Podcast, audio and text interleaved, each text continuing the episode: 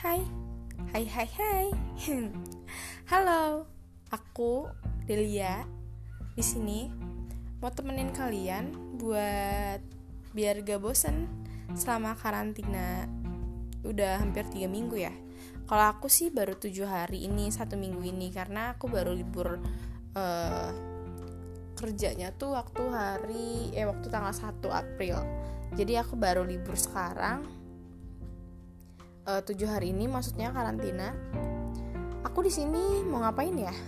Kemarin maaf ya kalau misalkan podcast aku masa perkenalannya nggak jelas tapi di sini aku beneran mau cerita tentang uh, seorang perempuan yang kuat. Gak kuat sih maksudnya ya maksudnya kuat tapi uh, apa harus disebut kuat juga kalau tetap ada di yang kayak gini nih?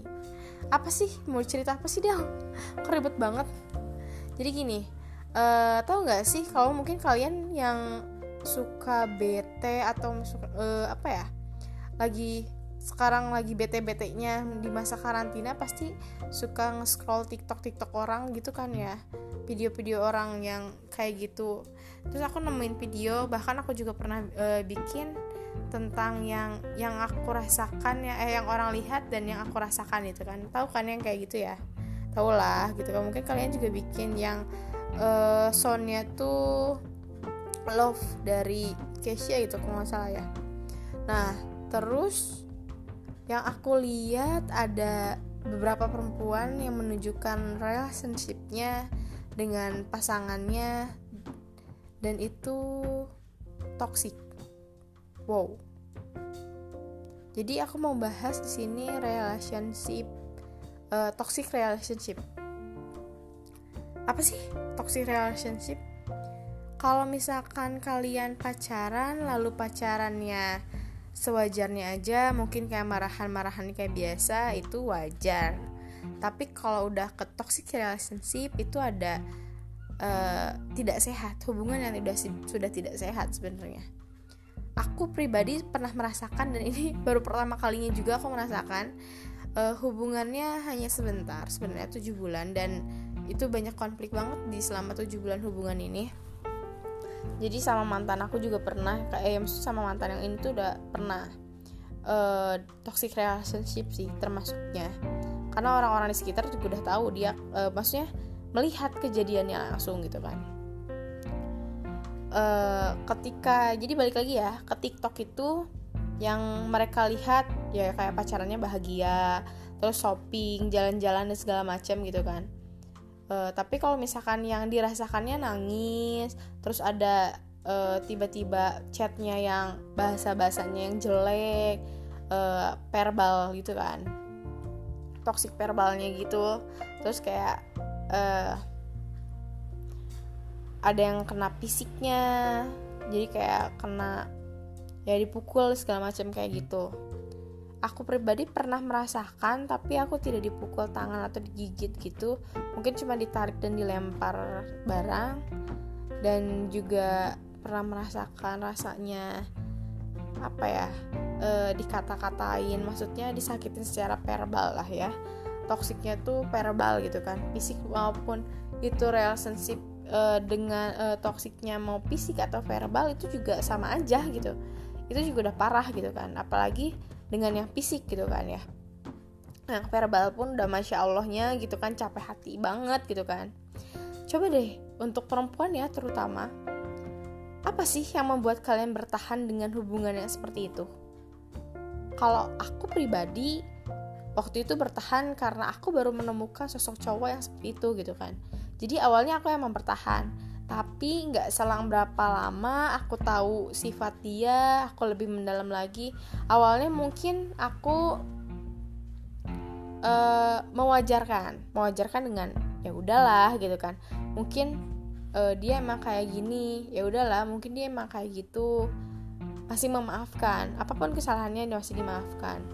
Tapi pada akhirnya setelah kesalahannya sudah fatal e, berantem di depan umum di apa ya di kata-katain di depan umum bahkan sampai dijatuhkan mentalnya sampai benar-benar hampir melakukan adegan. Ya mungkin e, kalian juga tahu lah kalau misalkan sudah apa ya aku adalah tipe orang yang tidak bisa dijatuhkan apa ya dihina kayak ya mungkin ya kalau misalkan di itu. Secara uh, fisik ataupun apa pun apalagi dibanding-bandingkan dengan yang lain. Jadi sebenarnya yang aku nggak suka dan buat aku down itu perbanding eh, dibandingkannya itu. Dikata-katain dibandingkan dan e, dijatuhkan itu jadi hampir pernah merasakan seperti itu gitu kan. Pada akhirnya ketika melakukan apa ya mungkin aku kesel dan aku e, mukul e, kaca dan akhirnya tanganku berdarah di situ aku jadi jadi apa ya jadi sadar bahwa aku salah gitu. Uh, salah dalam artian kenapa aku harus menyakiti diri aku sementara dia makin seneng kalau aku sakit gitu kan. Dia seneng gitu dengan cara aku kayak gitu bukannya merasa bersalah gitu kan. Sampai pada akhirnya aku mutusin putus di bulan November kemarin tuh sebelum dia ulang tahun tuh aku mutusin uh, aku uh, memutuskan untuk putus dan karena itu kejadiannya sudah sangat fatal udah tidak ada kata maaf maaf lagi ditambah lagi dengan kesalahan lagi kesalahan yang lain lagi menurut aku ya untuk apa sih dipertahankan gitu? Aku mikir kayak gitu kan. Dan akhirnya dia kembali untuk meminta maaf lagi. Dan bodohnya aku tetap maafin dia. Tapi aku bilang kita tidak ada hubungan aku hanya memaafkan tapi ternyata uh, apa ya dia tidak terima. Padahal kalau misalkan aku pikir-pikir kemarin itu dia sudah menjatuhkan harga diri aku yang pasti membandingkan aku dengan mantannya dan dia kembali lagi dia balikan lagi gitu kan. Sampai pernah lempar aku sama handphone e, narik aku berantem di depan umum sampai aku nangis dan e, ditarik gitu kan. Ya menurut aku itu udah nggak apa ya uh, tidak diwajarkan lagi sih sebenarnya. Kalau menurut aku gitu kan. Jadi ya apalagi gitu kan yang harus dikasihani gitu untuk orang seperti itu. Apalagi yang aku lihat ada yang sampai digigit, dicakar, dipukul, ditonjok gitu kan aku aja merasakan yang seperti itu kayak aku harus nyerah gitu. Bahkan lingkungan aku pun mendukung kalau aku udahan sama nih orang gitu kan. Gila fisik cuy gitu kan. Dia pernah nyerempet aku pakai motor dia terus dia pernah uh, apa ya secara kasar lah gitu ke aku dengan ngata-ngatain aku di depan umum gitu kan. Dia pernah di jalan dikebutin gitu kan waktu naik motor sama dia.